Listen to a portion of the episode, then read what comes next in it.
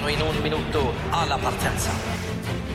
45 sekunder, 45 seconds. 30 sekunder, 30 seconds.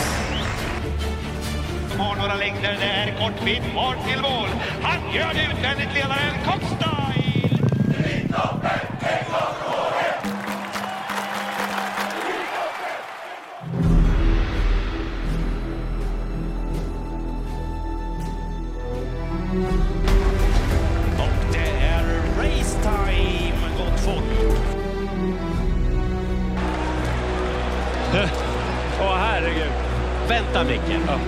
Patrik, vad sa du för någonting?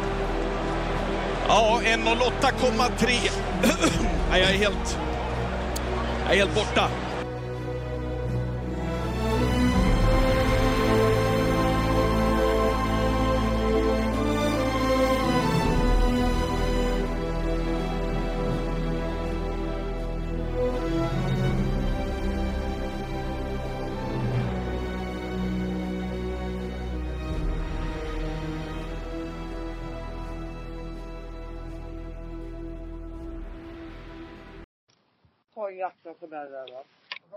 Ska bara hämta program. Ja, det är lugnt. Mr Forsgren. Du, du kan köra igång om du vill. Han är här om 30 sekunder. Nej, men vi dammar väl igång. Eh, Det är precis som vi sa Matteus, eh, varmt välkommen förresten till Travovalen. Det är min femte intervju på två dagar. Så det här, nu jäklar är man eh, proppfull och laddad inför helgen. Är du laddad Matteus? Ja, lagom laddad. Det är inte bra att vara för laddad för tidigt heller. Nej, det pratade vi om igår. Det gäller att behålla formen till sista loppet där på söndag. Precis. Så att det är inte bra att vara för laddad nu. Men det är klart man är laddad. Men det gäller ju att, det gäller ju att, att, att spara energi liksom den här veckan. Berätta, hur ser en frukost ut då på lördag? Du ska ju jobba två dagar här. Hur laddar du upp? Hur ser en frukost ut för Matteus? Jag brukar inte äta så mycket frukost. Utan jag brukar äta rätt mycket på kvällarna. Så jag är inte så jättehungrig direkt på morgonen. En kvällsmacka? Ja, liksom sådär då. Lite ägg och allt möjligt. Ja, ja, okej. Men, Ja. ehm, nej men det är klart. Framförallt så är det viktigt att käka lunch så att man orkar sen. Ja. Eh, Personligen så tar jag både en kvällsmacka och eh, frukost. Så att eh, det blir lite, ja, man får tänka på det där nu ju äldre man blir. Tjena Lennart! Hallå? Välkommen till Travovalen. Ja, tack. Det är den där podden det, som du det, alltid det är lyssnar för på. Lennart va, i podden? Japp, det är det. Ja. Eh, Lennart, det är den här podcasten som du alltid sitter och lyssnar på, du vet, när du åker bil. Jag, är för dålig på sånt här och försöka få in grejerna. Så trycker jag fel och så blir jag förbannad. Mm. ja, det är inget bra när man sitter och kör bil. Nej, men du är varmt välkommen Lennart. Jag tänkte så här faktiskt att, eh, jag var inne och kollade lite grann. Du och jag, vi är födda i samma stad. Jaha. Mm. Och har lite samma bakgrund. Du kommer från hockeyns värld. Berätta lite om den först. I Gävle, eller hur? Ja, jajamän. Var bodde du i Gävle någonstans då? Brynäsgatan är jag född. Så jag bodde där i sju år innan vi flyttade därifrån mot eh, storstan Stockholm. Fjärde, fjärde Tvärgatan var jag född på, men det finns ju inte kvar utan heter väl Brynäsgränd nu tror jag. Ja, okej. Ja. Eh, nej, jag upp, upp, uppväxt där eller uppväxt, det var ju sju år då. Precis innan jag började årskurs ett så flyttade mamma och pappa till Stockholm. Så då, då var det bara att hänga med i den åldern. Ja, det var ju det. Ja, Men sen spelade jag ishockey. Sen spelade jag hockey också vet du. Jag var på väg till eh, Brynäs som junior faktiskt. Spelar du i Brynäs också Lennart? Nej, jag var också på väg dit som junior. Jaha, spännande. gemensamt. Jag spelade i Strömsbro hette det ju. Just det, Strömsbro. De var också duktiga. De var bra ett tag då innan Brynäs började härja alldeles för mycket så att eh, och då hade jag ju då en tränare som jag jobbade åt. Eller lite extra ska man väl säga. Jag jobbade, jag var inte fast anställd. Eivind Höglund hette han och han hade Tigen Johansson som, Mm. som då spelade i Brynäs. Han var mycket hos honom och höll på i stallet och då var jag ju med och tränade för TV-pucken och det här och då ville de att jag skulle gå över till Brynäs. Mm. TV-pucken fanns redan då. Ja, ja vad fan. Vi hade skridskor också, ska jag säga. Exakt. Eh. Två, tvåskenigt, eller hur Lennart? Ja, ja. Men målvakterna, när, när, när satte man på målvakten hjälmen? Ja, det tog tid faktiskt. Eller hur? Ja. Mm. Var mask först Matteus? Var det mask? Ja, och sen, man hade bara någon jävla grej framför sig. Nej, och, och där, jag skulle få en moped om jag gick över. Men eh, du vet, det gick ju inte om man bodde i Strömsbro. Det var ju Strömsbro och Brynäs, det var ju som hund och katt. Ja. Och framförallt i den åldern när man liksom var 14-15 år. De mutade Ja. han med moped. Ja, det var tider det. Det var, då, vet, eh, sen, sen växlade jag över till innebandy. Då var det inte mopeder. Då var det eh, gratis pizza någonstans. Om, eh, kunde ligga i kontraktet. Så att, ja, du ser. Nej men eh, det är lite intressant. Pappa var ju vän med eh, Tord Lundström, kände han. Ja.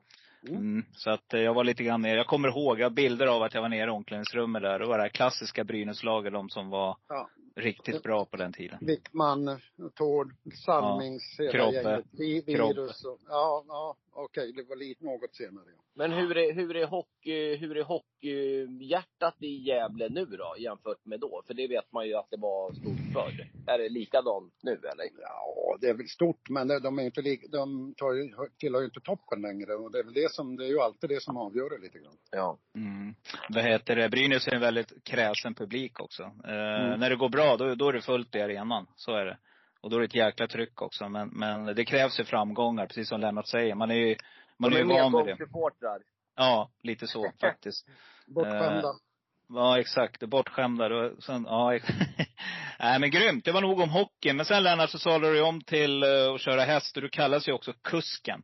Eh, jag, har ju ett minne, jag kommer ihåg när jag, var- det var något, ett av mina första Elitlopp faktiskt, tror jag. Eller det hade varit på några innan. Det var ju när du körde Bolets Igor. Eh, Ja, jag en- gjorde jag två år i rad. Eller Ja. om det var radio, det gjorde jag nog. Var tvåa i bägge försöken, men, men blev ingen, femma tror jag som bäst i final.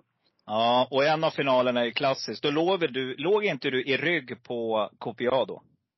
Ja, jag trodde det, men de bara försvann. kan du inte berätta lite grann om hur känner man då? Ja, just då, i själva loppet, det är klart man blir frustrerad och man, man tänker, de där måste ju stanna. Men det gjorde de ju fan inte, utan de bara ökade, ökade ju. Det var ju, alltså just då i, i den, precis då det händer så är man ju så fokuserad på det man gör. Va? Men, men det är klart att sen efteråt när man har tittat på det så tänker man ju, hur gick det där till ungefär? Va? För de var ju så otroligt överlägsna, Copiado och, han som hoppade, Pa- Pine Chip. Panchip ja. Men eh, alltså upploppet, eh, ni, du, du var ju inne på samma upplopp. Du hörde ju ljudet. Ja. där. Hur var det?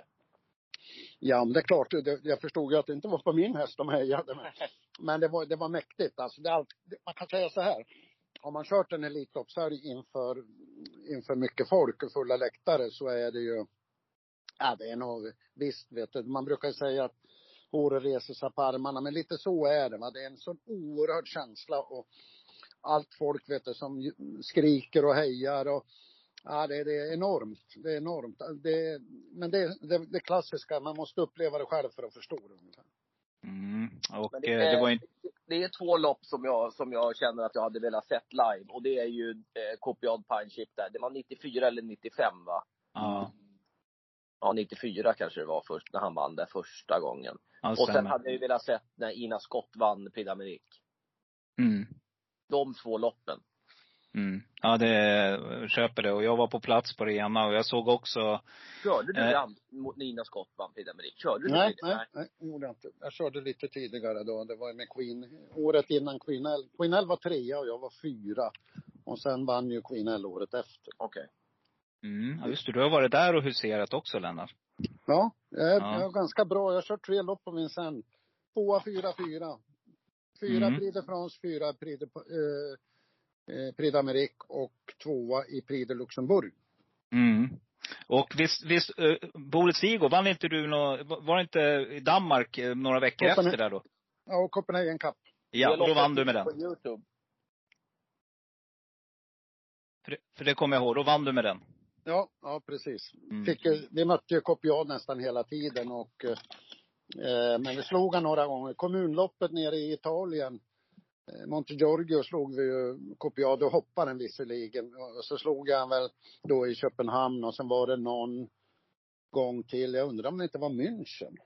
Mm. Vann jag med, med Mm. Ole Sigurd också. Jag tror jag, jag slog Copiad också. Ina Scott slog jag i alla fall då. Mm. Du, Bolet Sigurd, det var ju en sån här häst som många tog till sig. Jo, men det var ju det. Det var ju en, inom situationstecken en mindre tränare ute på landsbygden eller utanför Halmstad här, Angel, som hade den och han var ju frispråkig och rolig på sitt vis. Mm, just det. Och, eh, nej men sen var det ju en liten skit och, och eh, men han var, han var ju fantastisk. Han sprang in över 10 miljoner på den tiden och det var ju, ja det är otroligt bra.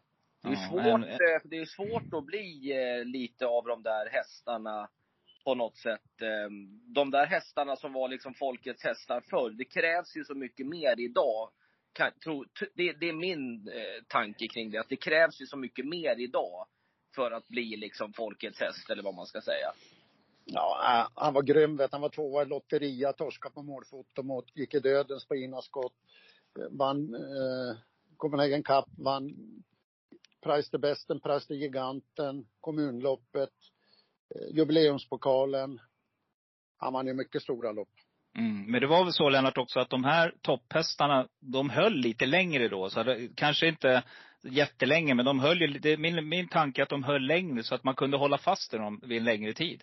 Ja, då, på det viset blev de ju lite mer kända va. För Ja. De kom ju tillbaks eh, liksom. Det var inte att de var ute en säsong och sen såg man dem aldrig mer. Nej, och sen har jag nog minne av att du hade vit dress med lite rött och gult i. Kan det stämma? Ja, det var ant, antagligen körde jag för Kvällsposten eller för GT. Just det. ja. Nej då, jag har spelat vinnare på det många gånger med Bolle Sigurd och, och var en glad eh, spelare. Det var liksom i början på min, eller trav har jag alltid haft med mig sedan jag var liten. Men, men det var då jag började gå på trav. Just i början av 90-talet där. Ja. Ehm, nej men eh, grymt Lennart. Det är en fantastisk karriär har du ju bakom dig. Och nu har du ju sadlat om och blivit expert på eh, kanal 75 tillsammans med eh, din eh, kollega där, Matteus.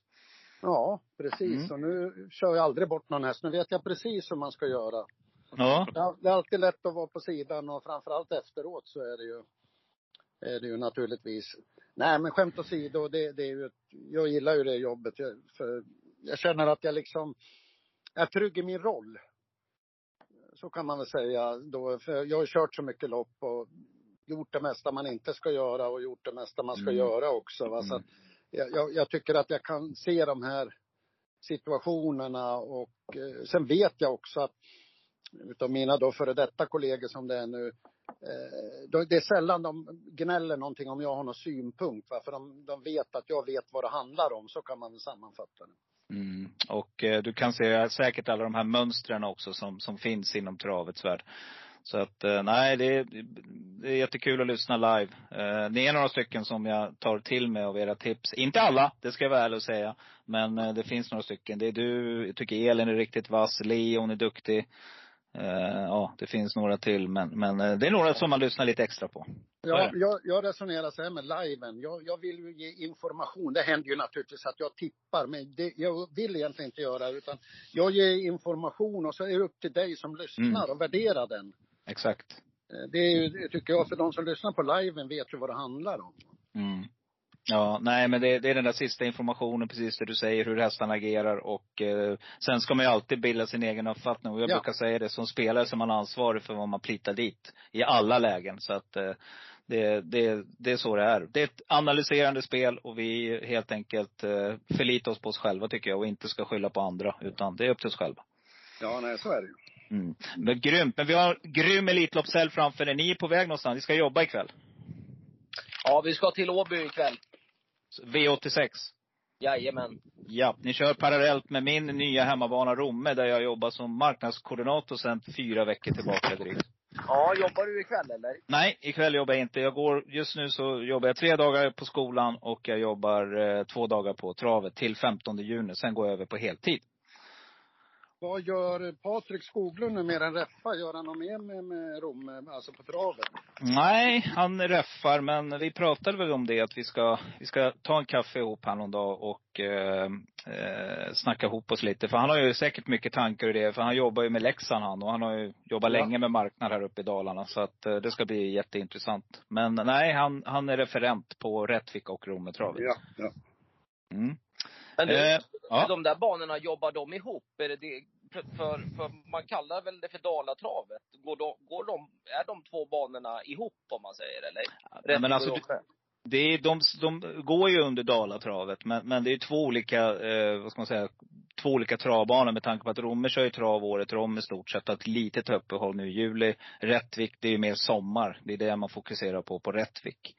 Eh, så att det är en sommarbana. Så att det är två olika eh, kategorier av travbanor. Men man jobbar tillsammans, styrelserna jobbar tillsammans. Och man vill ju att travet ska växa i Dalarna. Så att det är väl ungefär så. Men eh, det är två olika travbanor med, med två olika utseenden helt enkelt.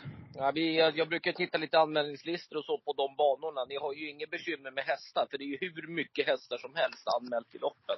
Japp, och det är positivt. Och vi har ju fina banor. Eh, en väldigt duktig banmästare. Så att eh, det är väldigt många hästar som, som vill komma och tävla på banan också tack vare det. Så att, eh, ja, nej men det, men det finns mycket att göra. Som i många andra organisationer så, så är det mycket att, att hugga tag i. Eh, man pratar mycket om publikströmning idag. Jag ser ju att det här är en en, en fråga som är en symbios mellan många. Och eh, det som behövs är faktiskt folk på travbanorna så att vi orkar arbeta med det. För det är en sak att dra in evenemang, men man ska också orka genomföra dem. Så att, och göra med bra kvalitet. Allt från restaurang, som det är krav på idag, till marknadsföring till eh, företag som är på plats, så att man helt enkelt kan ta hand om dem, etc. etc. Så det är en stor apparat att driva. Yes.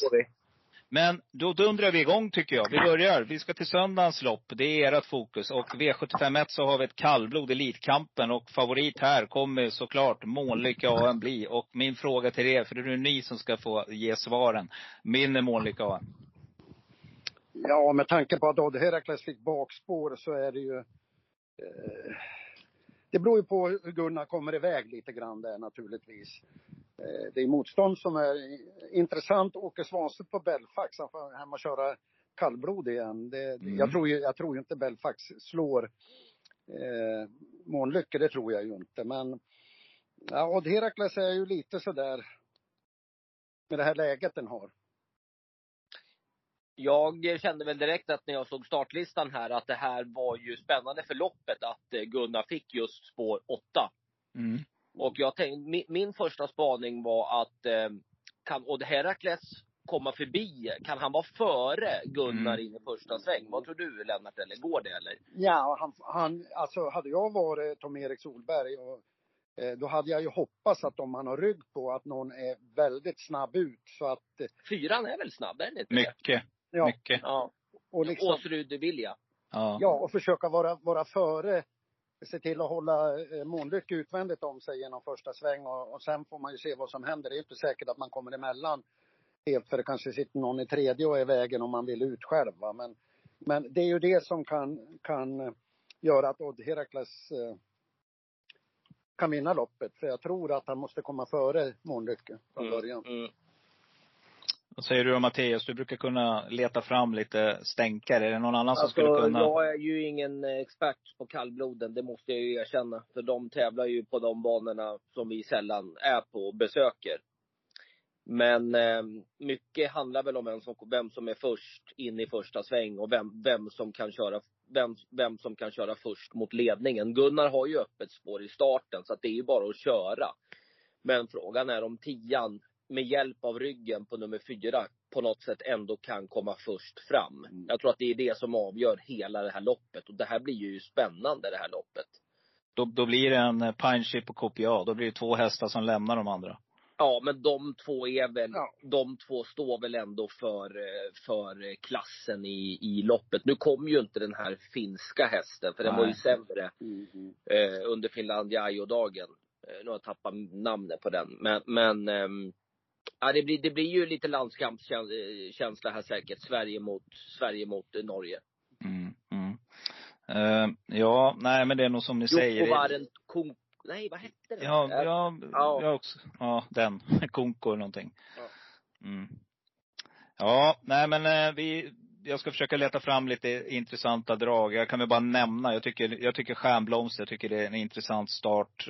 Den här är det är ett sto mot de här. Nej, det är klart intressant tycker jag. Barfota runt om här också. Så skulle de göra bort sig de två giganterna, då skulle en mm. sån häst kunna vinna. Det är unikt med den stjärnblomster där, att den har varit ifrån och fått ett föl mm. och Exakt. kommer tillbaka mm. in i eliten. Det händer ju inte med, varm, med ett varmblod.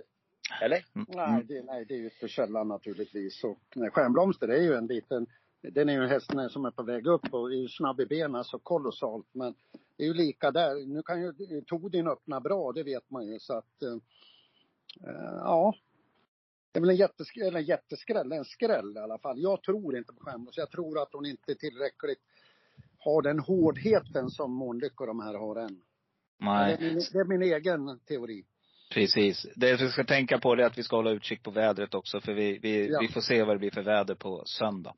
Yes, V752. Oj, nu är det dags. Nu kommer vi till Stig Johanssons pokal. Och det kommer att dåna. Du kommer ihåg Lennart, eh, när man skrek på Stig H på Valla? Ja, jo, med all rätt. Han, Mm. han är ju den största vi har haft och eh, det är bra att eh, man uppkallar något lopp efter honom. Det är inte mer än rätt. Så att eh, vi kommer nog få höra Stig och så de där applåderna Stig Mm. det, det, det hoppas jag i alla fall. Mm, ja, häftigt. Eh, favorit just nu är Önas Prins från sitt innerspår. Per Nordström fick det spår han ville ha. Nu slänger man på vagnen här och rycker dojorna. Nu är det all in direkt och eh, ja, vinner han bara eller? Nej. Det tror inte jag.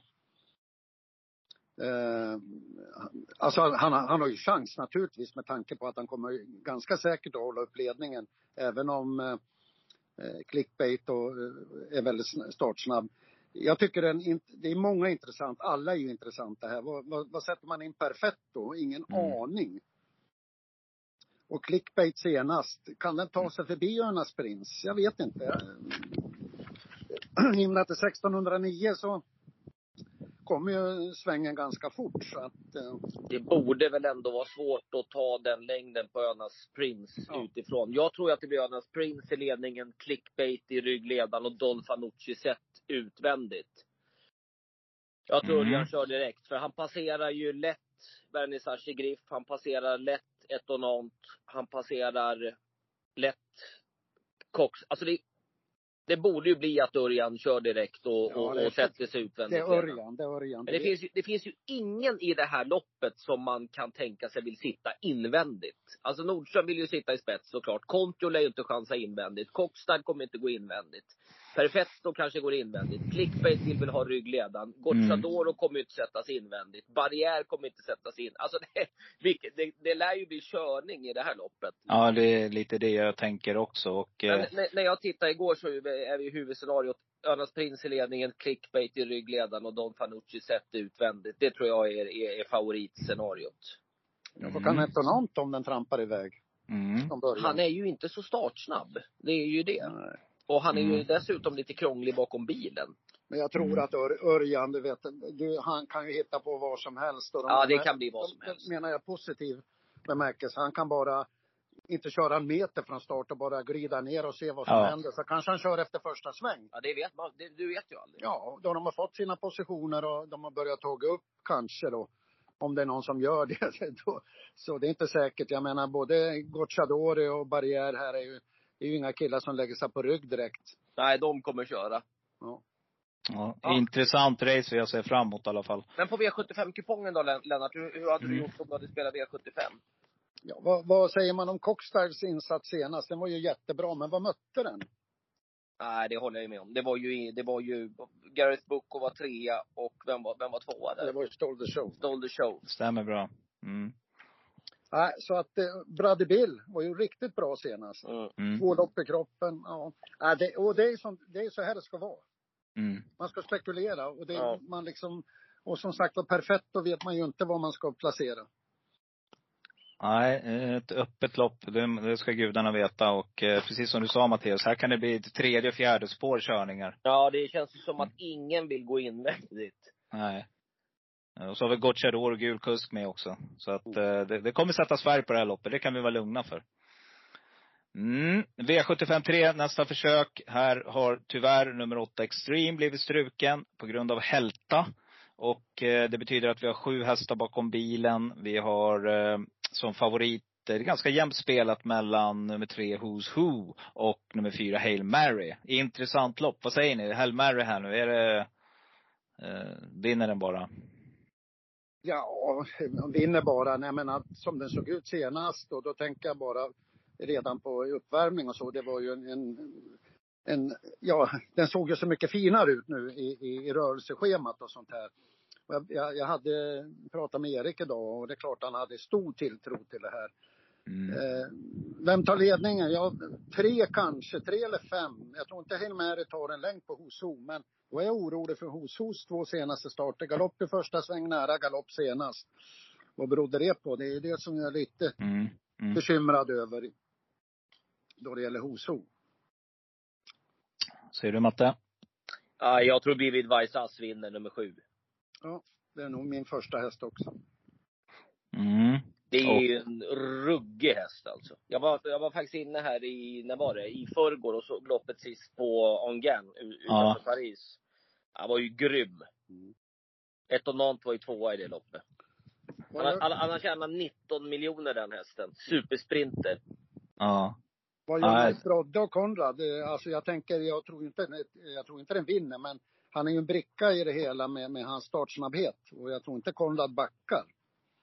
Han vet Nej. att ett, ett och två är, är hyggliga ut, men inte mer. Och han Mm, vet nej. också att tre Mm. kan galoppera första sväng. Ja, men Night Blood, det är ju jättesnabb. Ja, ja. Ehm, nej, han lär ju tuta och köra från ja start. det, det gör han. Men jag håller med. Sju, sju, fyra, sju eller sju, fyra, det är vilket som, men det, det tror ju alla. Så att det är ingen, inget konstigt med det. Mm. De säger ju att Vivid Vaisas är bättre nu än någonsin. Ja, spännande. Eh, eh, jag är lite nyfiken på Admiral Asa. Jag tycker att eh, jag, jag tror, tar den sig bara till final, då kommer vi få se på, många är oroliga för två, start, två starter samma dag här, att han, hästen kan stressa upp sig.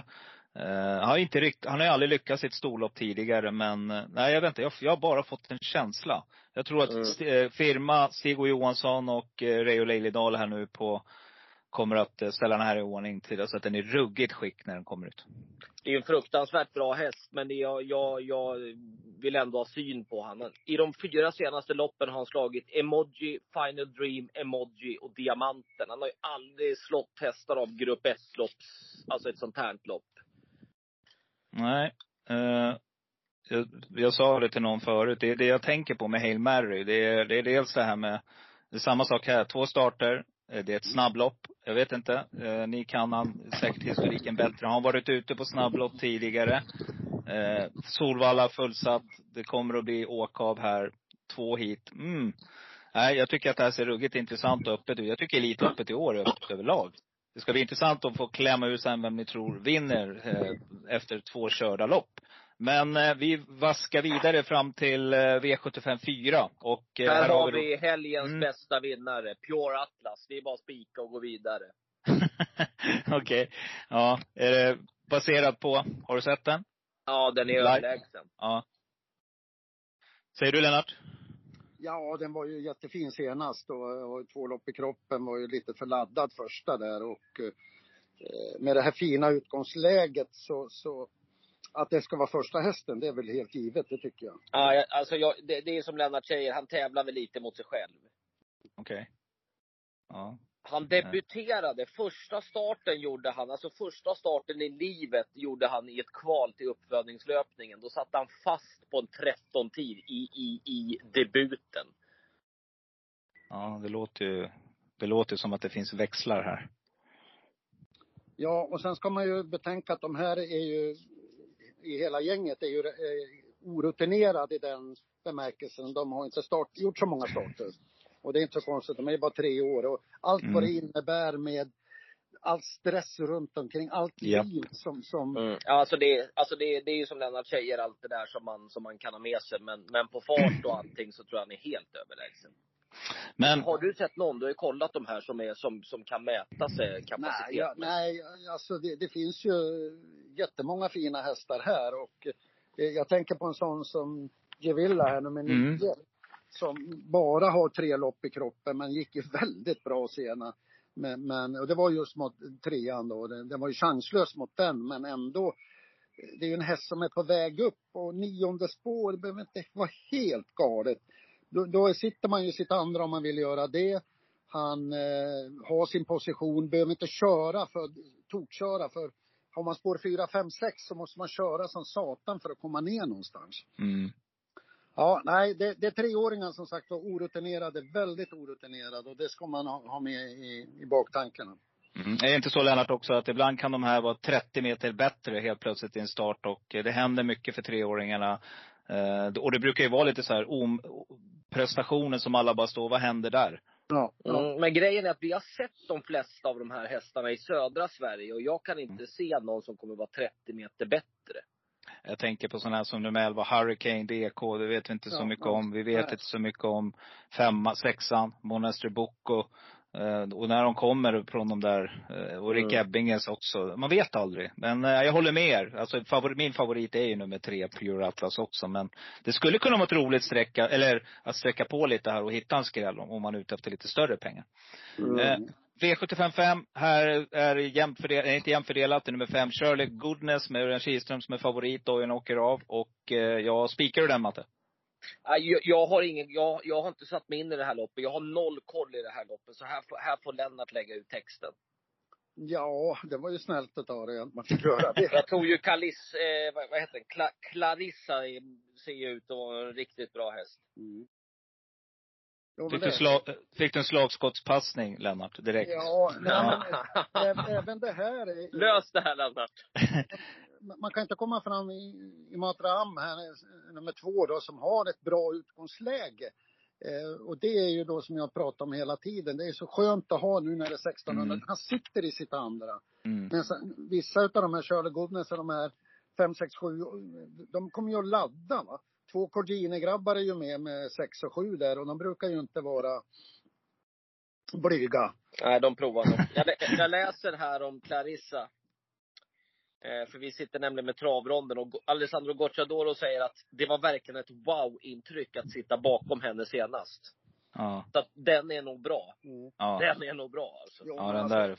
Nu, nu, nu, nu kan jag inte banan hur snabb den är eller inte, men 11 och 6 full väg, det är klart att, och sen om du tittar på tiderna innan, den har ju gått 12 och 13 och ja, det verkar ju vara nio vinster, hälften vinst nästan, så att den är säkert väldigt bra och har ju också då, som jag tycker, har ett vettigt utgångsläge. Vad säger han här? Över 1600 meter säger Gocciadoro på Solvalla så tror jag att hon enkelt kan gå, en, gå kring en 10-tid. Mm. Men där, där måste man väl ändå eh, nämna att han brukar inte vara blyg, Gocciador, om sina Nej, chan- så- chanser. Han skrämmer upp lite innan. Ja, nej men att det är en bra häst, det, det är det ju. Mm. Ja, det här blir ju åka av. Och så har vi Å- Åke Svanstedt från spår 8 också. Så att, eh, Ja. mm. Men inte här två även här som har tjänat 121 000 per start. Grymt! Vi går till V75 6. Tommy Anérs lopp. Ytterligare. Han har du kört mot, eh, Lennart. Ja, jag jobbar lag, men jag jobbar, han hyrde ju på Erikshund och jag jobbade där och eh, eh, så vi hade mycket trevligt ihop både på banan och utanför kan jag säga dig. Så att, det går vi inte in Ja. på här. Nej, jag vet. Det fanns ju lite smeknamn också sådär. Men, men vi lämnar det, precis. Ja. Eh, på Tommy. Eh, nej, underbart. Du, han hade en brun stor häst som var V75-favorit. m- Vann många. Vad hette den? Kommer du ihåg det det? var det Dream där- of Gold. Dream of Gold ja. Så Ja. det- Han höll väl till på Jägersro, var det inte Jo, Robin Näslund som var lite privat, eller privattränare? Han var väl uppstallad där nere? Så var det. Eller, jo, det var det. Var. Han Ja. vann väl ofta, eh, han vann väl ofta höst och vintertid den hästen? Ja. Ja, men det var en jävla häst. Det var en jävla. Ja. En fin, stor, kraftig rackare. Mm. Mm. Ja, Tom Anérs lopp, sex, som vanligt då, 16.40. Och här är jämnt spelat mellan, mellan nummer två, Kalle, Call Me The Breeze med eh, Andrea Gusanetti och nummer tre, Astro med Björn Goop. Den var ruggig sist, Astro. Ja, Mm. den är så snabb ut ju. Ja. Det var, det var pang sorry från åttonde spår hade han ju då ute. Men jag måste ju nämna Devil's Tang nummer ett. Jag tyckte den såg lysande ut senast. Eh, jag gillar den hästen. Kan ju inte svara ut Asteroid här från början. Det finns inte en chans. Det kan jag inte tänka mig i alla fall. Eh, men han sitter på sitt inne, hon sitter på sitt innespår, Sandra, och Mm. med körning så, så är den med i matchen. Det är jag ganska övertygad om. Matte, har du läst på här då? Ja, spik på Call Me The Breeze nummer två som Guzinatti kör åt Allaire. Den mötte Vivid Vice Assi den senaste starten. Mm. Eh, jag, koll, jag har kollat några lopp och det, det, den enda, det enda lite negativa, visst den har, gått, den har gått bra på kort distans, men det, det är nog inte idealdistansen med, med, med sprint och 1640 meter. Men den där är ruggigt bra, The Och den är snabb ut den också. Så att, som det, som det förväntas i de här 1600 metersloppen. Och det som är fascinerande med Elitloppshelgen, det är ju då att det kommer så mycket kuskar utifrån. Mm. Och jag brukar säga då, jänkarna kommer hit, ja, de kan vara världens bästa kuskar där. Mm. Men de vet inte hur Erik Adelsson agerar, hur Ludde agerar. Hur, hur, alltså du förstår vad jag menar va? Mm. Ja. Här, vi vet ju hur, hur kuskarna liksom brukar köra och hur, hur de resonerar. Och det är det som är så fascinerande för här skiter de fullständigt i. Det kommer att bli full fart alltså. Men du, Ja. vad, vad har vi på Andrea Guzzinatti förutom att han har varit med ett tag? Är det någon du känner? Ja, eller? ja, jag har kört mycket mot honom i Italien. Det, Hur är han då? Ja, ja, men det är ju en av de stora. Det är det? Ja.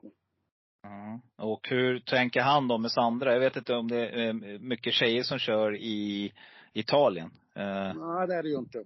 nej. Och Sandra tycker jag är en av våra faktiskt riktigt duktiga att köra. Ja, Eh, men det är grymt bra. Men frågan är hur Sandra tänker om Guzzinatti kommer med den här Call Me The Breeze, om det är värt att ta emot den. ja, ja. Alltså, Eller hur? Nu tror jag ju inte att de kan hålla upp ledningen. eh, Men den är snabb ut alltså. Men skulle, den, skulle han hålla ledningen in i första sväng, ja då tror jag att de kör i ledningen. det tror Ja, jag här, här är det ju 1640. Ja, ja. Det är ju inte Ja. 1600, 1609 som i Elitloppet. Så att, eh, Ja, 1, 2, 3 är ju väldigt, väldigt snabba ut. Ja. Eh, nej, Sandra, riktigt duktig kusk. Eh, kul att hon får åka upp här nu och, och visa sin fina häst. Eh, är det någon skräll här då? Om, om vi går utanför ramen? vem reser längst? Devil's Tongue eller Call Me The Breeze? Nej, det, det är klart att italienaren reser ju längre. Det är klart att, ja. Men det är rätt långt för Devil's Tongue också.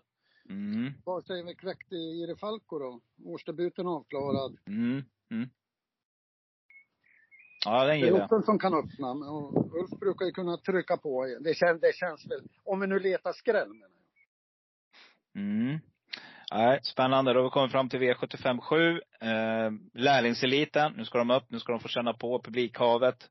Och eh, många av de här kör ju mycket lopp ändå så att de är vana. Men kanske inte inför ett fullsatt Elitlopps, eh, eh, publik, en elit- Elitloppspublik. Men det är jämnt spelat mellan nummer två Elegant CN med Niklas Korfitsen. Vi har nummer tre Sorovin Dante Collini 23 procent. Och vi har nummer fyra Laradja Vreithaus, Mark Elia 26 procent. Men här är du väl påläst Matte? Här har jag koll och jag tror att det är spets och slut på Laraja Vreithout nummer fyra. Lennart håller med. Ja, men det är ett lärlingslopp och som du sa, alla vill ju visa framfötterna Mm. här och på något vis vara med. Ingen kommer att, att liksom eh, köra, eh, gå ner i fjärde invändigt och, och, och så. Så att eh, en, en som, jag kan kusken för dåligt på Shapes. Shapes, Ja. nummer tio ja. Ja, men hur bra var inte den mot Borups Tornado? Mycket bra. Mycket bra. Satt Mm. långt bak och ut i, Mm. i alltså det, nu, nu pratar vi då skrällar här. Ja, den hade jag men med. den är ju, den är ju spännande för den, den, den blir ju, den blir ju, den är ju spelad under 5% när det här loppet går. Mm, och det var den i lördags också. Och precis som du säger Lennart, den hade jag med. Men jag hade inte Boris Tornado, så där sprack jag på sju hästar tror jag. Ja, Men, men, ehm, det är skitbra på, på där nere, eller i Gävle. Laradja lekte ju 11 och 3 sist. Lekte 10 och 7 i Halmstad där i somras när vi jobbade Sprintermästaren. Han Mm. springer nog, eh, om man har toppform och nu, ja visst nu kanske inte blir det bästa vädret. Men i, i toppform, superväder, så springer han under 10. Då är han ju svår och, svår och, svår att hinna ikapp. Men då har ju även där, Dante kör Zorro Vind och det är ju ingen bluff till häst och den kan ju kliva iväg också. Han lär ju inte lägga några fingrar emellan i- från inledningen i alla fall. Nej. Ja, ja, det, det, ja, det här det är ett roligt lopp. Jätteroligt. Ja. Det är inte så också att, att vi har sett en liten eh, ny stall eh, Gocciador här. Att hästarna har liksom tävlat sig i form. De brukar ju komma i kanonform. Ja. Och så börjar det avta. Men nu har, nu har liksom, som, precis som du säger Lennart, nu har Sorovin och kropp i loppen. Nu kan det liksom vara dags för en sån där riktig håll käften prestation.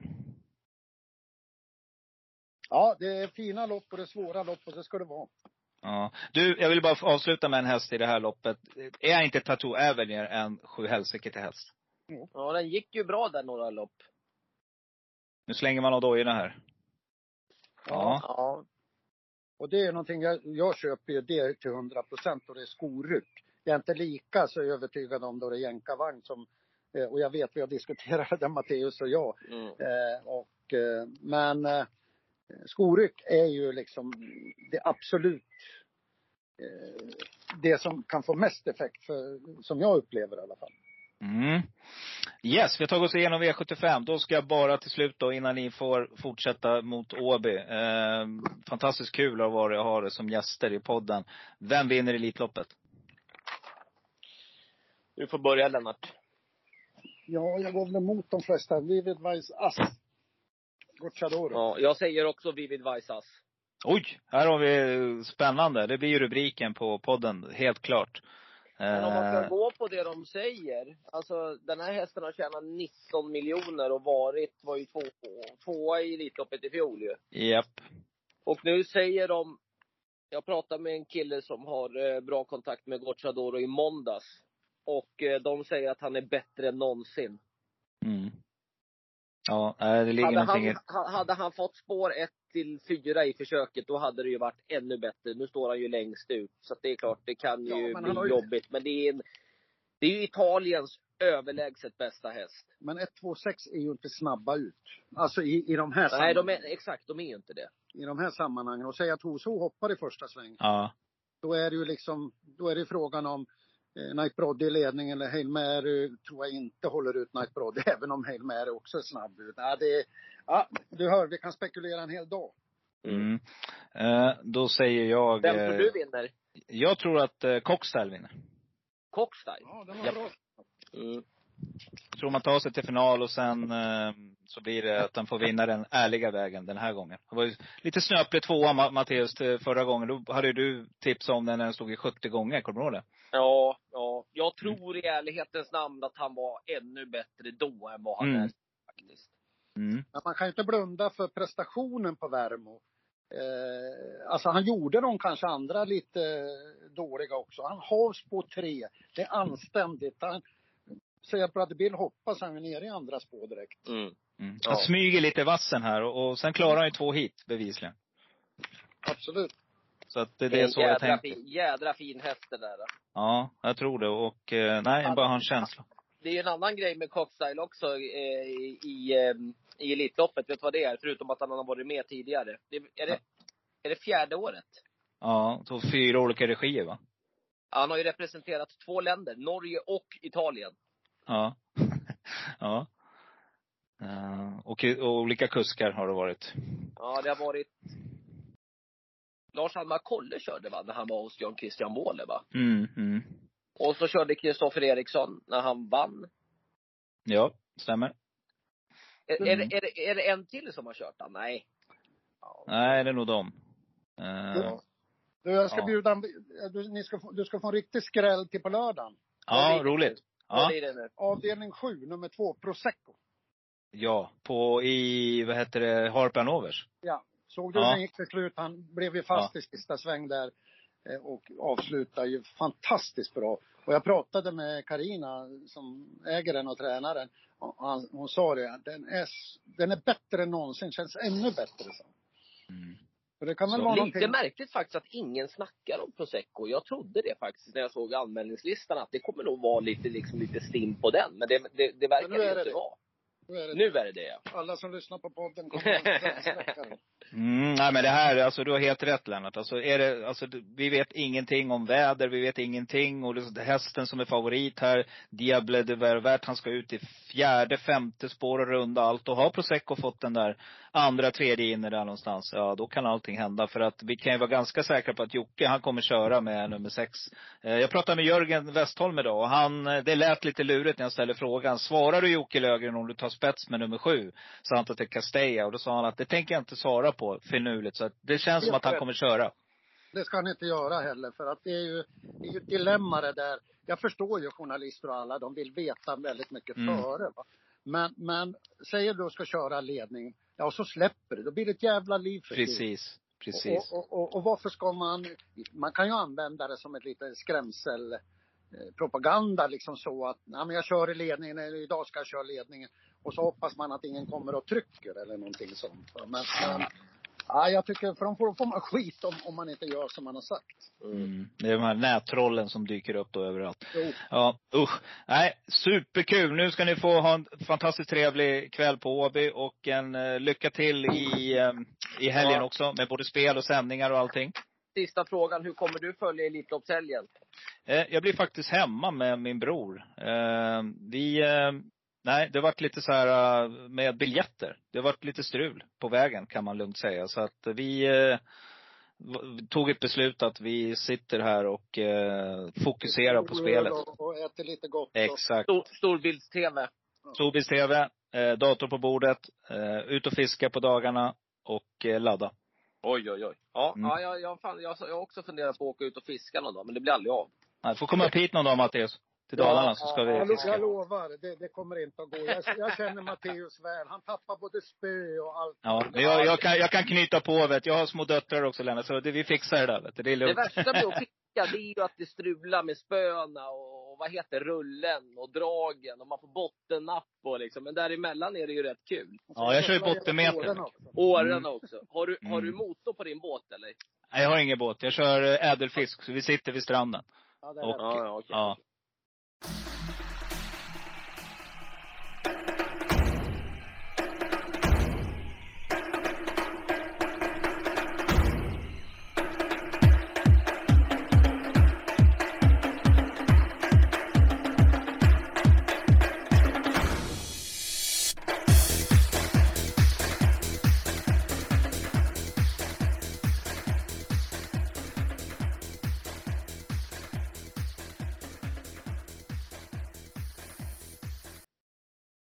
Var det dags för Leon Hallén att äntra Travavalens podcast igen. Och eh, ja, det börjar kännas som en fantastiskt rolig, ska man säga, tradition Leon. Välkommen till Travalen igen.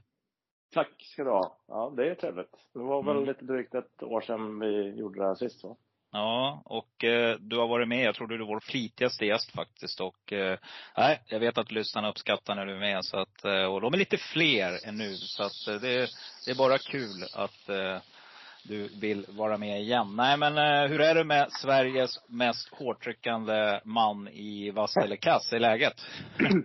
Ja, ja precis. Nej men det, det är bra tycker jag. Det går mot en spännande helg och mycket att göra. Men eh, det är också fantastiskt roligt så att eh, vi är väldigt glada över att vi får vara på plats igen. Jobba med trav är det bästa som finns och eh, sen ser jag fram emot eh, att få se lite hästar från kontinenten också dyka upp på valla. Eh, det blir en skön mix och eh, bra kvalitet överlag också. Mm, helt underbart. Hur eh, är spelformen då om man säger så? Skaplig i alla fall. Får jag lov att säga. Mm, det har alla gäster sagt hittills. Skaplig. Ingen vill liksom säga dålig eller, eller på topp. Nej, det har varit bättre senaste två månaderna än eh, under vintern. Annars brukar ju vintern vara riktigt rolig på det sättet att det, det inte är lika mycket spetsvinnare och hela den biten och utdelningen också kan skjuta upp lite grann beroende på att vi har eh, lite jobbigare banor och eh, de hästarna som går i ledningen rinner inte bara undan. Men eh, nej, senaste tiden har det varit eh, fint. Mm, Senaste du, eh, ja. bra triumfen var väl där på Charlottenlund va? ja, Mr F-Dag och eh, Zodi AMG vann. just det. Då hade du sjuan eller? Eh, dagens dubbel, Dagens dubbel, ja. som Ja. är ett av mina absoluta favoritspel. Jag är komb, eh, de kallar mig på Travvalens, eh, vi har lite chatt där, eh, så kallar de mig kombkungen. Ja, ja. Ja, jag, vänta, jag skickar någon till dig där tror jag också sådär. Och jag har hittat det spelet. Jag tycker det är, alla som man hittar någon så- två eller trea. Uh, och då är det bra att kombinera mot, mot någon favorit vet du, så får man ju riktigt fina odds ändå liksom. Typ som dubben faktiskt, om man hittar en bra dagens Mm. dubbel. Exakt. Så, mm, du, eh, när du säger att det är mycket att göra, vad, berätta bara lite kort. Vad är en sån här vecka, hur ser den ut då? Nej, men det börjar ju redan på söndag kväll. Man börjar titta på listorna. Eh, sen eh, får man en blick på söndagen. Jag har en annan på måndagen. Pratar med vänner, kollegor. Får kanske lite ny blick, läser på än mer. Eh, ändrar om lite grann vad man har tänkt från början. Ja, det är, det är mycket att göra. Dessutom är det tre tävlingsdagar också. Som eh, vi har på agendan och eh, eh måste vara påläst, annars går det inte. Och det är mycket lopp att läsa in. Så att, eh, det är jäkligt kul och det blir ju mer också eftersom det är hästar som kommer från utlandet, alltså kont- från kontinenten som dyker upp och då tar ju det lite längre tid också. Eh, en del har man väl lite gratis eh, från fransk mark som man har sett mycket tidigare och sådär men det är ändå en hel del italienska hästar, lite holländska hästar som dyker upp också. Så, ja, jag tycker mixen är grym och jag tycker att eh, höjer också den sportsliga kvaliteten. Mm. Du är ju en vän av Frankrike där med travet där. Hur kan du, jag nämnde i något avsnitt här tidigare att eh, jag, jag saknar de bästa franska hästarna i Elitloppet och vi vet att eh, Malmö Malmrot har gjort allt han kan för att få hit dem. Men, men jag kan ju tycka någonstans att, att eh, två av topp fyra i topp fem där i, i Prix d'Amérique, det hade ju varit fint att få hit. Har du någon take på det? Eh, ja, alltså om de ska bete sig sådär som de eh, gjorde under vintermeetinget och, och sådär, Mm. då, då, då tycker jag lika väl att eh, Basir och de här kan stanna hemma. Eh, jag tycker det är kul att Westerling kommer. Jag tycker att han eh, Ja men han har varit här förut och han har löst uppgiften med Timo K tidigare. Nu dyker han upp här med en son till Timo K istället. Mm. Etonant är väl kanske också den absolut bästa franska hästen som är igång för tillfället. Han var ju strålande i Prix de Dactyl Normandie som avgjordes i högervarv för en tid sedan till exempel. Han slog då clean game hur enkelt som helst och fick honom att se ut som en statist. Så att, eh, ja, jag känner inte direkt att jag saknar någon. Skulle, eh, skulle jag nämna en som, som jag saknar så är det Gallius. Men Mm. eh, tror inte att Severin Raymond är jättesugen på att ta hit honom eh, just nu. Han är inte så gammal heller, ska man komma ihåg. Så att, eh, Mm. Mm. och Mm. förhoppningsvis eh, framöver. Sen vet jag inte om kort distans är, är bra för honom heller. Eh, Han Mm. är ju ruskigt bra på, på långdistans och är ju ett riktigt skönt tillskott i den eh, franska eliten. Det var ju första gången han gick mot eliten i, i Prix d'Amérique. Så att eh, Mm. han blir väldigt spännande att följa fram, framöver. Mm. Eh, jag, det jag tänker, det är mer det här, jag håller med dig. Jag, jag har ju varit väldigt kritisk till vissa grejer vad gäller franska travet, framförallt efter Prix d'Amérique. Men jag, det jag tycker någonstans det är att när man ska kora den bästa på ett Elitlopp, det känns som ett VM i kort race. Eh, där är de bästa, de samlas. Det är lite, just för att känna den där känslan att det är verkligen bästa hästen som har vunnit. Det är lite det jag är ute efter. Så då hade jag tyckt att det var superkul att få hit någon av Frankrikes bästa Mm. hästar just Problemet- vid det tillfället. Etonant är ju en av Frankrikes bäst, bästa hästar. Han är ju den bästa som går att få tag på i nuläget. Han är ju den, Mm. Den bästa som är igång. De andra är ju inte igång på samma sätt. Utan Nej. de, de siktas ju mot uppgifter på hemmaplan och ja, han är väl en utav eh, en utav få som man vill ha hit som är eh, som har tävlat hela tiden. Precis, även efter precis. vintermeeting också. Så det finns inte så mycket valmöjligheter där heller, tyvärr. Eh, Så är det. Den, den enda jag kan komma på som jag hade velat ha är Gallius, men han är inte igång. Nej, men eh, vi hoppas på det i framtiden att vi får bättre relationer och att eh, fransmännen helt enkelt eh, släpper prestigen och eh, kommunicerar så vi får se ja, de, de hästarna också i framtiden. Hur som, eh, vi ska helt enkelt fokusera på söndagen du och jag Leon och det är ju inte vilken söndag som helst. Jag hoppas att vi har vädrets makter. Vet du något mer där, ni som jobbar? Jag kan tänka mig att ni verkligen eh, kollar väderprognoser och allting. Mm, sista jag kollade nu var det väl eh, i- inget eh, regn på söndag, så att eh, håller tummarna för det. Men eh, blöt lär man bli både fredag och lördag. Mm, men eh, det är söndagen som är viktigast och det betyder ju att lö- lördagen kan ju bli ruggigt intressant med härlig utdelning då. För det är ju inte alla hästar som behärskar det. Här rycker man ju dojor, fram med amerikanska vagnar och så lite blött underlag på det. Det kan ju bli riktigt häftigt. Absolut. Vi, Vi får se se hur, positivt. hur det ser ut. Vi börjar väl att smygstarta lite på fredagen och få en försmak av hur det kan se ut. Precis. Du, men vi slänger oss över V75 helt enkelt på söndag. Vi kommer ju komma till försöken och sen ska du självklart, eh, ska jag klara dig på vem du tror vinner Elitloppet. Och kanske vem du tror att, eller de två eh, debuta- eller duellanterna det står emellan. Vi börjar med V75 1. Du kommer ju ut här nu i en Månlycke AM. 50 procent just nu. Eh, lite var vi inne på igår när jag spelade in podd med Matteus att eh, eventuellt kommer Odd Herakles igenom här och kan ta rygg på nummer fyra Åsrudsvilja med Örjan Kihlström. Är det din eh, tanke också kring det här loppet eller har du några andra? Eh, ja, jag har lite tankar om det här loppet. Eh, Odd Herakles har ju inte fått någon bra uppladdning inför det här loppet och eh, jag vet inte om han är lika bra som han var den här tidpunkten i fjol och det kommer nog krävas om han ska slå Månlycke så jag tycker att det är rätt favorit där. Eh, barfota på Månlycke är ruggigt spännande. Mm. Det, det är sån ruggig häst Månlycke så det är så, jag har svårt att tror att han ska torska det där loppet eh, faktiskt. Även om de eh, kommer att eh, försöka ta emot han med, med Tangenhop där eh, som ska gå för första gången någonsin i, i jänkarvagn. Jag pratade med Björn Karlsson i tisdags. Han var lite inne på att Tangenhop kunde, kunde gå en 19-tid då. Och så får vi se hur långt det räcker. Men de skulle köra för det. Det är sista gången han är med i Elitkampen och han ville se sin häst i, i ledning och det är första bike på honom också. Han har ändå tjänat 4,5 miljoner och nu provar man riktig jänkarvagn för första gången också. Det brukar vara ruggig effekt på kallbloden eh, när man hänger på den amerikanska sucken. Så att det, han är Mm. väl den som är roligast på procenten, men eh, jag har stor tilltro till Månlycke. Mm. Om, det blir, om det skulle bli dåligt väder på söndag. Eh, vi hoppas ju verkligen inte på det. Men då är ju Tangenhop, han kan ju gå i, i blötan. Det har han ju visat förut. Mm. Ja, det stämmer. Eh, absolut.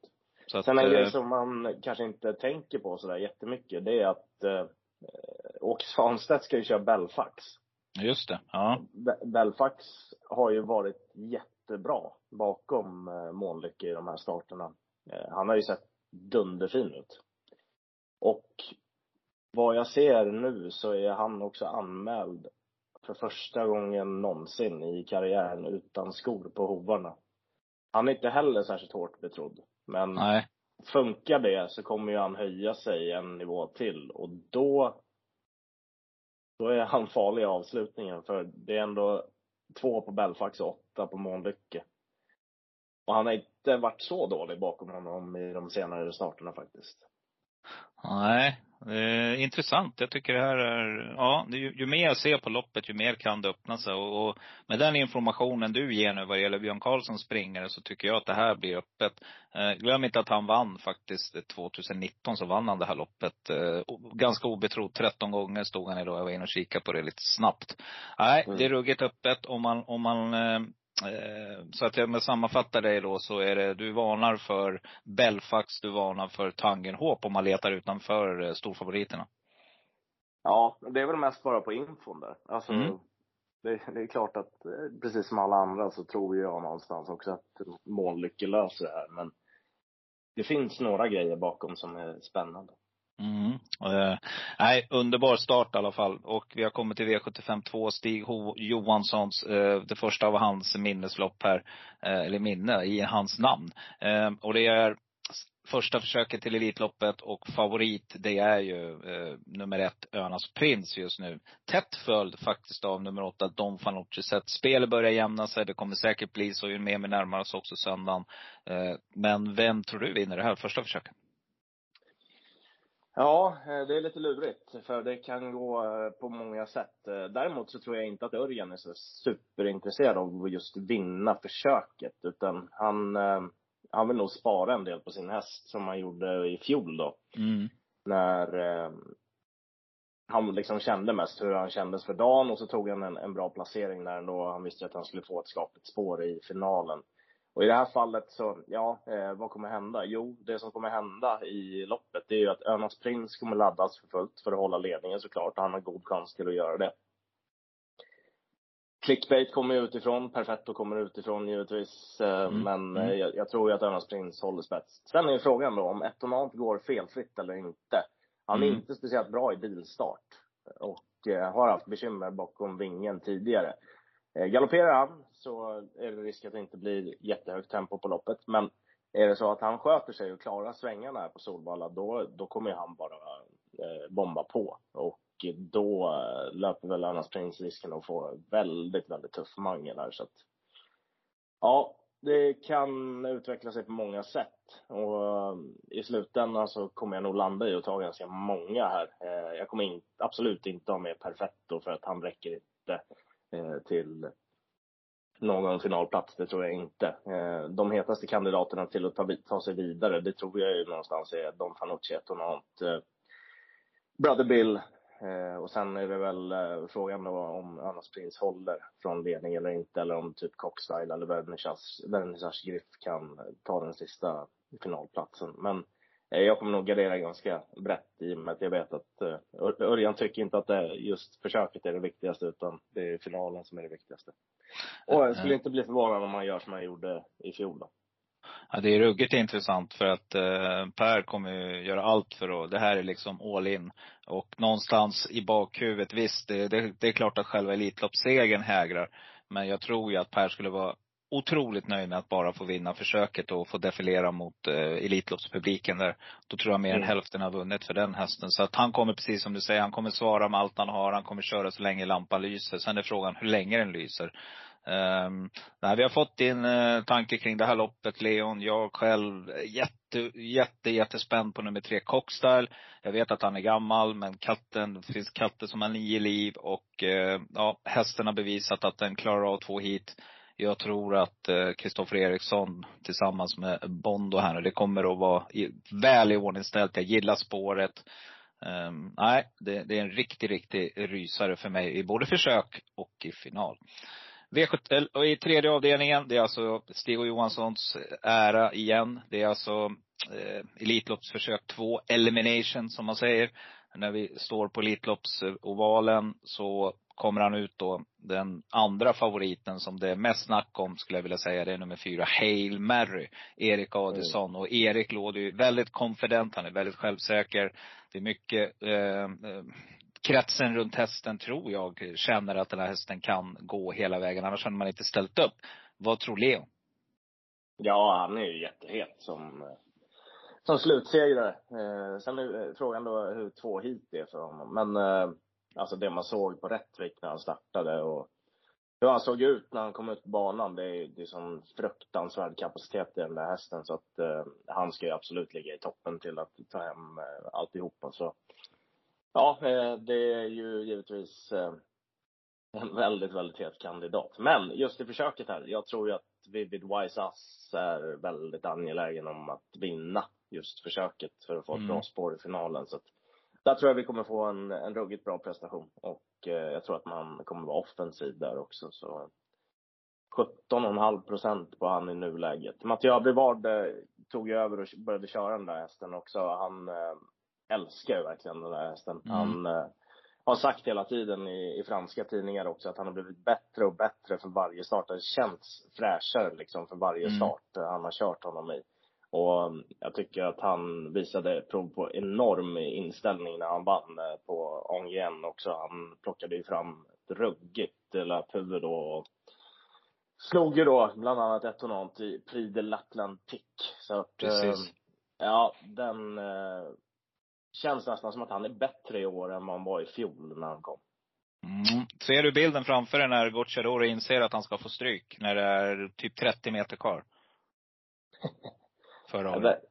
Ja, ja. Gå in och kolla ska du få se. Jag har, jag har in, inte gått in och kollat på det nu, men jag har bilden. Den, den är där liksom. Att jag ser verkligen hur han, det är liksom, fan också. Riktigt hur han, och man märker att hästen måste vara 30-40 meter bättre nästa år. Då, då vinner han Elitloppet. Så det är nog som du säger att, att det här är den. Och både Matteus och Lennart Forsgren igår var väldigt inne på, på Vivid Vaisas. Det är bra rapporter ifrån träningen. Ehm, 17,5 procent just nu. Det är faktiskt ett roligt spikförslag i, i det här loppet. Ehm, för annars känns det som att det är några skrällar som kan ta sig vidare. Jag, jag är jättespänd på nummer två, Admiral As och se vad, vad firma eh, Stig och Johansson och framförallt Reijo då eh, kan hitta på. Är inte du lite nyfiken? Jo, det ska bli kul att se. Han, eh, han är ju rätt osynad eh, mot sånt här motstånd också, men det finns ju väldigt hög eh, kaliber i honom också. Det visade han ju inte. Mm.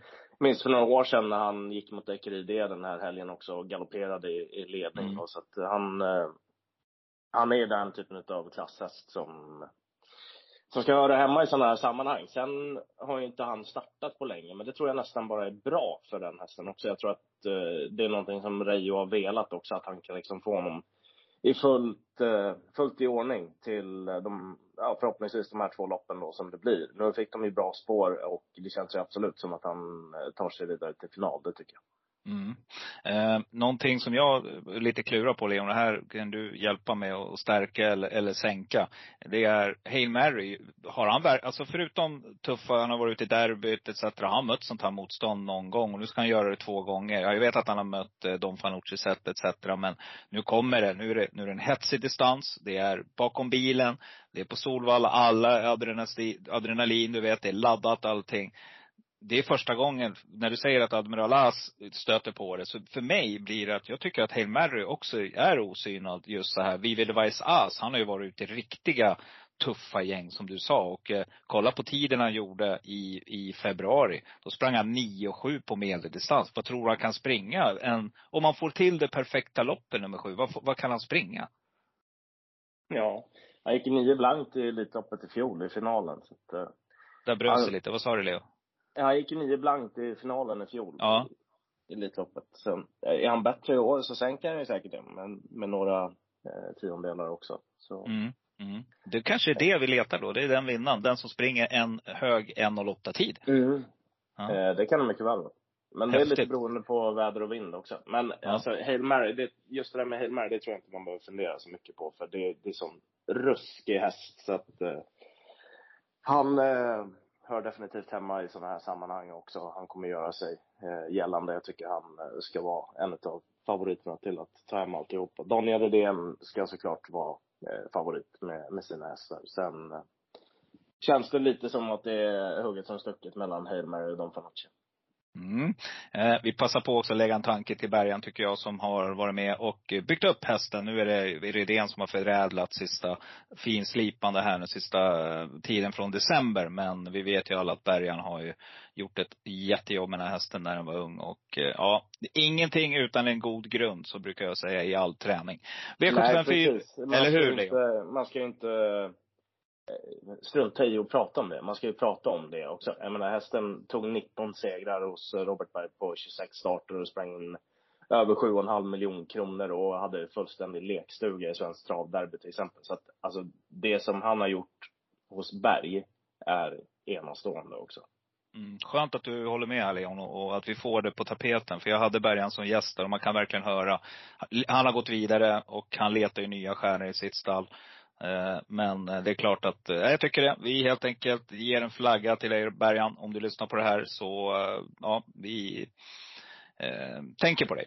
V75 4, 2140 meter, treåringseliten. Eh, och ja, vilket lopp. Här kommer jag ut nu. Det, den stora favoriten, nummer tre, Pure Atlas. Och här vet jag att du har mycket, mycket mer koll än mig, Leon. Eh, vinner den bara. Det är ruskig talang, Pure Atlas. Eh, otroligt snabb häst alltså. Eh, riktigt läcker på det sättet. Sen, han, just nu är han sträckad på närmare 75 procent.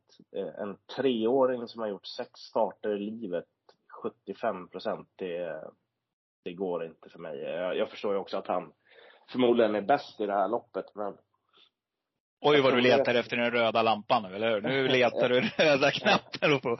Jag ska ja, nästan leta upp den. Men alltså det, det är så många ja. olika faktorer att spela in också. Jag menar, publik i mängder. Eh, mm. Orutinerad häst som kan stressa upp sig lite grann också. 75 procent är jättemycket. Jag, jag tror ju att han kommer vara väldigt stor favorit när det är spelstopp på söndag också. Men det, det är för mycket. Eh, det finns ingen häst i princip som skulle vara sträckad på över 70 procent. Det kan hända så mycket grejer i loppet. Ja, det är väl Järvsöfax liksom. Men han var ju helt enastående på sin tid också och var ju långt före sina konkurrenter och han visste man ju att han var travsäker och hela den biten och nej, det, jag kan inte inte tycka att man ska vara så stor favorit i travlopp. Jag menar, det räcker med en liten grej så är, så är loppet förstört. Liksom. Exakt. Det är skillnaden. För att på kallblod, där kan du ta några galoppsteg. Du kan komma fel i tredje, i första sväng etc. och reparera. Men det går ju inte här. Ett fel så är det kört. Mm. Vem Det bakom finns- där då? Vad ska vi leta? Ja, det finns jäkligt spännande hästar i det här loppet. Eh, Kul. Paul Haggard har ju tre stycken med här. Eh, De har ju tittat en del på. Eh, Mm. Hurricane kör ju Robin Backer eh, och eh, det ska man väl alltid tänka på vilken häst Robin kör utav de här. Men inte den som jag har fastnat mest för, utan den som jag har fastnat mest för är nummer två, Diapason, som Björn Goop får chansen på.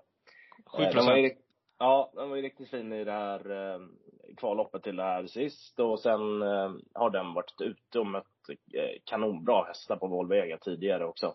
Det man ska veta när man tittar i programraden också på tider och sånt där från Volvega, det är att banan är inte alls i närheten av lika snabb som de svenska banorna är här. Så tiderna behöver man inte bry sig om överhuvudtaget. Det som man ska ta med sig är att ofta när de kommer till Sverige då rekordsänker de kraftigt. Jag menar om du tittar på en sån som Chebba Mill till exempel som vann eh, Drottning Silvias pokal. Då hade den tjänat typ 180 000 kronor innan eh, den gick ut och va- vann Drottning Silvia. Så de har inte samma prispengar och de har inte eh, riktigt lika snabba eh, banor som vi har här i, i Sverige. Och då är det mer intryck man får gå på. Om man tittar tillbaka under tvååringssäsongen där så tävlade den här Diapason mot bland annat Geo Cash, eller Joe Cash, Just det. eh, på hemmaplan. Den hästen kom till Sverige, hade lekstuga i eh, British Course för tvååringar och eh, såg fenomenal ut. Så att den har hårdhet från det. Den har gått ett kval så här långt i år och sen har den fyllt på med en seger efter det. Gå upp, bra läge, låg spelprocent. Den eh, tas med mycket tidigt. Mm, kanonsträck. Har vi något mer om riktig superstänkare också? Ja, Gevilla ska vara med också. Hon såg ju ruggigt läcker ut eh, i eh, den senaste insatsen också. Mm. Hon eh, gick ju mot eh, Pure Atlas där och eh, det var ju ett eh, uttagningslopp till, till det här loppet då. Och hon avslutar ju strålande bakom Pure Atlas. Nu eh, är det jänkarvagn på där också. Det är Mm. Den här, den här Monastri Pucco då, vad vet du om den? Ja men lite samma där. De eh, möttes ju sist i Volvega, de här eh, Hagård-hästarna. De var etta, tvåa, trea. Det var Diapason som vann det loppet. Ja, just det. Ja. Ja, Men, spännande. eh, tycker jag att eh, Björn Goop eh, är bättre kusk än Micah Brower. Micah Brower eh, har ju också kört rätt så bra. Han vann ju eh, lopp under fjolåret på Elitloppshelgen också. tror det var treåringseliten för ston. Ja, ja, det var den här stänkan va? Den här riktiga. Exakt. Ja. Exakt. Och, Ja. och sen, eh, Ba- Backer är ju första kusk i, i det stallet. I vanliga fall. Så Jag skulle fundera lite på vem eh, Robin väljer att köra också. Men som lägena blev nu så är det ju ruggigt spännande med, med Björn på Diapason. Mm, det jag hörde någonstans att eh, eh, den här Mischa då hade, har rutin från Elitloppet. Men det har han ju inte för att nu är det ju ett helt annat tryck som kommer att vänta på söndag här nu när när eh, det är, inte fullsatt. Eller ja, det kan nu bli det faktiskt. För tydligen är det väldigt åtgång på biljetterna, vilket är superkul. Så att, Mm. eh, ja, det är, det är en ny upplevelse. Men eh, det är säkert så att Mischa tar det här på ett positivt sätt. Så att, eh, ja, jag ska hålla koll på de här hästarna i alla fall. Det kan det vara lugnt för Leon. V755, 1640, fyra, fyraårings eliten och favorit det är Shirley Goodness med eh, Örjan Kihlström. Och eh, ja, är det här klart?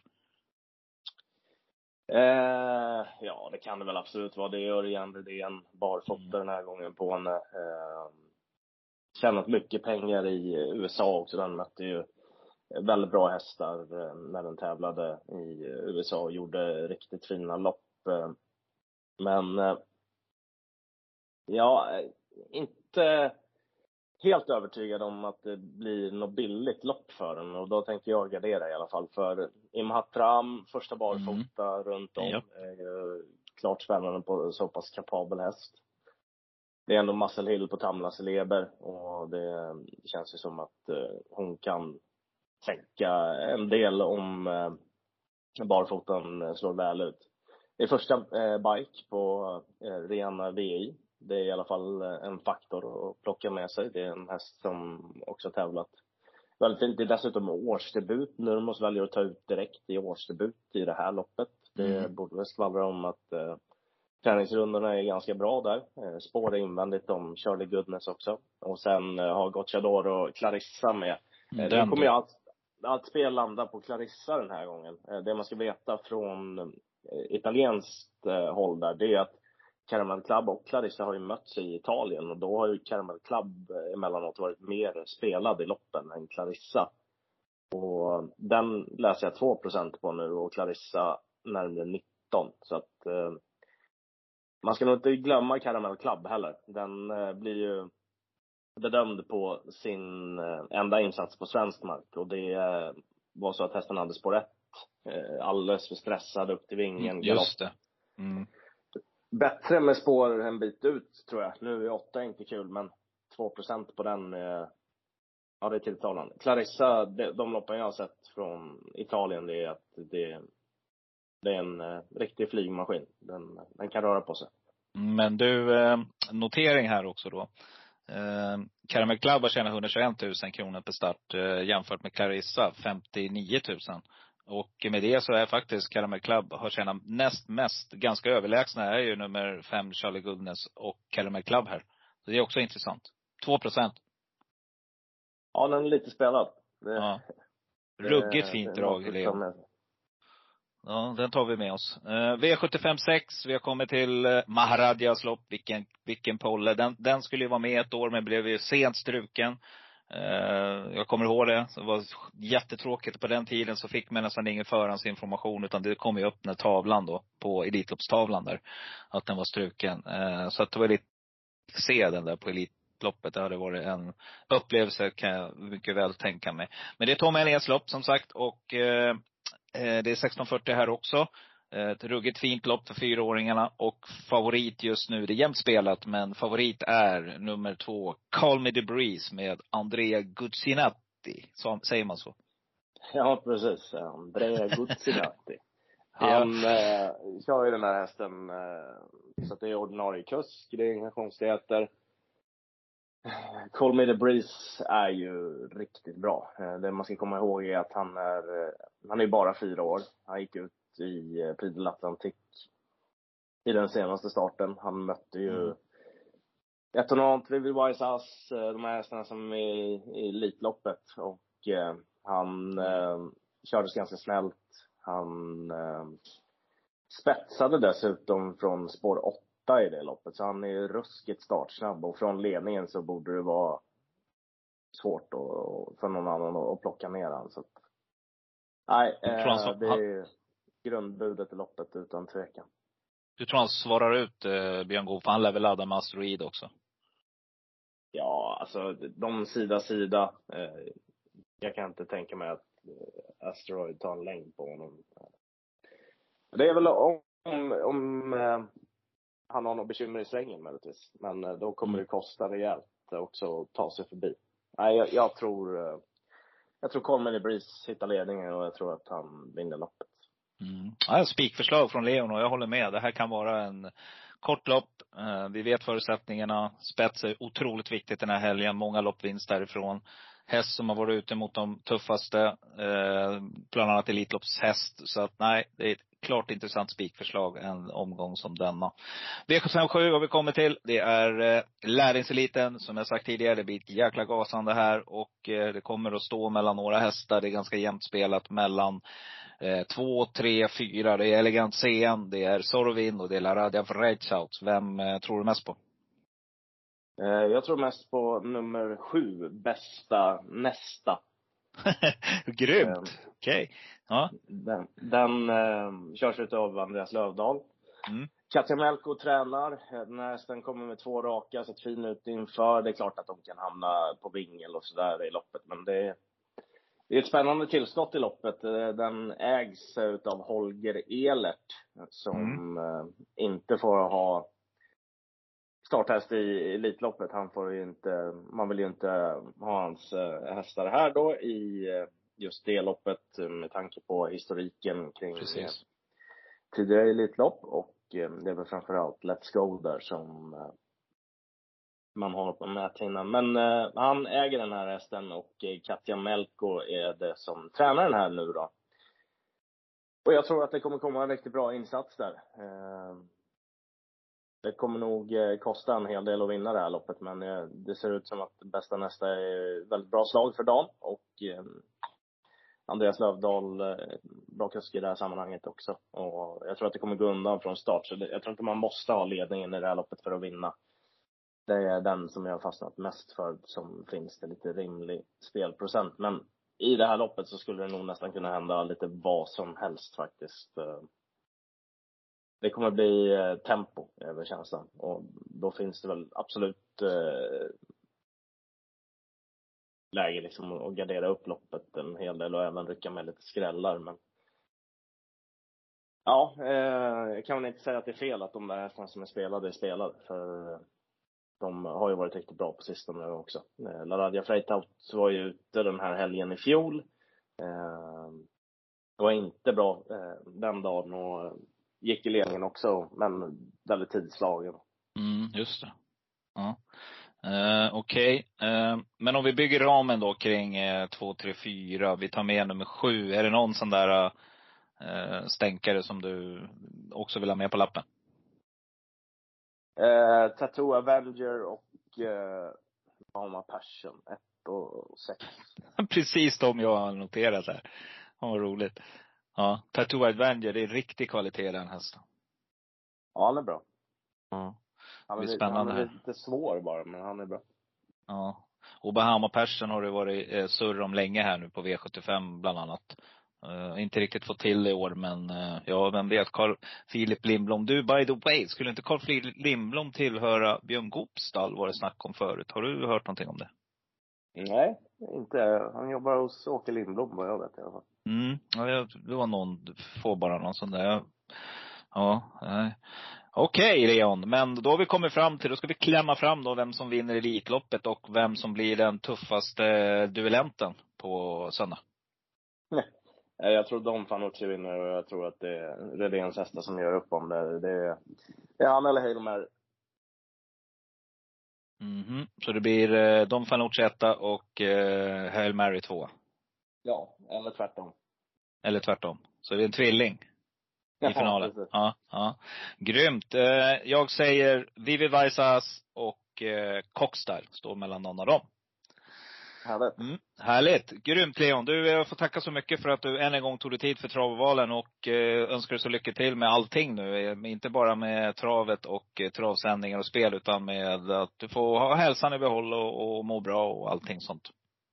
Det tackar vi för. Eh, kan säga någonting om eh, V4 där innan Ja. V75 också. Det Ja. är eh, riktigt spännande hästar som kommer ut. Bland annat så eh, tror jag att Jiggy, nummer nio i V4, andra avdelning, kommer göra ett kanonlopp. Eh, Gocciadoro har en riktigt fin häst med där också som heter Don't Say Gar. Sen eh, i V4-avslutningen så verkar det som att alla eh, ska landa på nummer fem Florida Sport.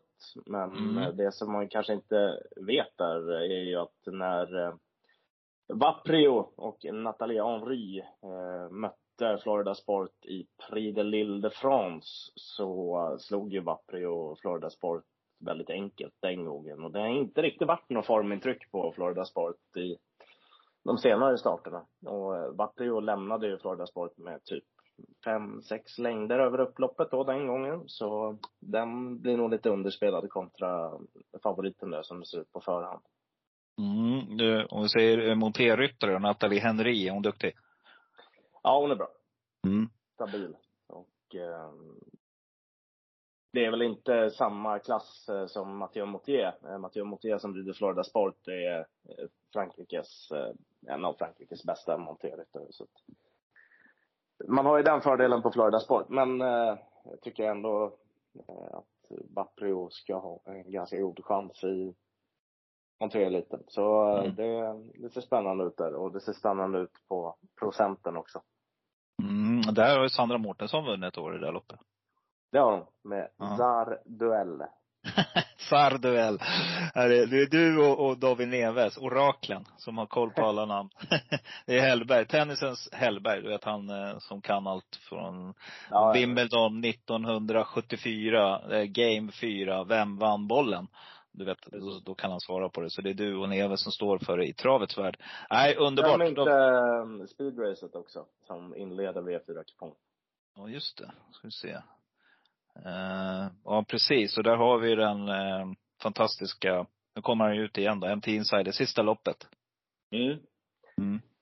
Ja, de har laddat eh, för det här och det här är väl hans favoritlopp. Men eh, jag tror tyvärr inte att han eh, kommer räcka i år. Men hoppas att han tar sig vidare till, till sista heatet och att det blir final för hans del så han får njuta av en påhejandes Solvalla publik en sista gång.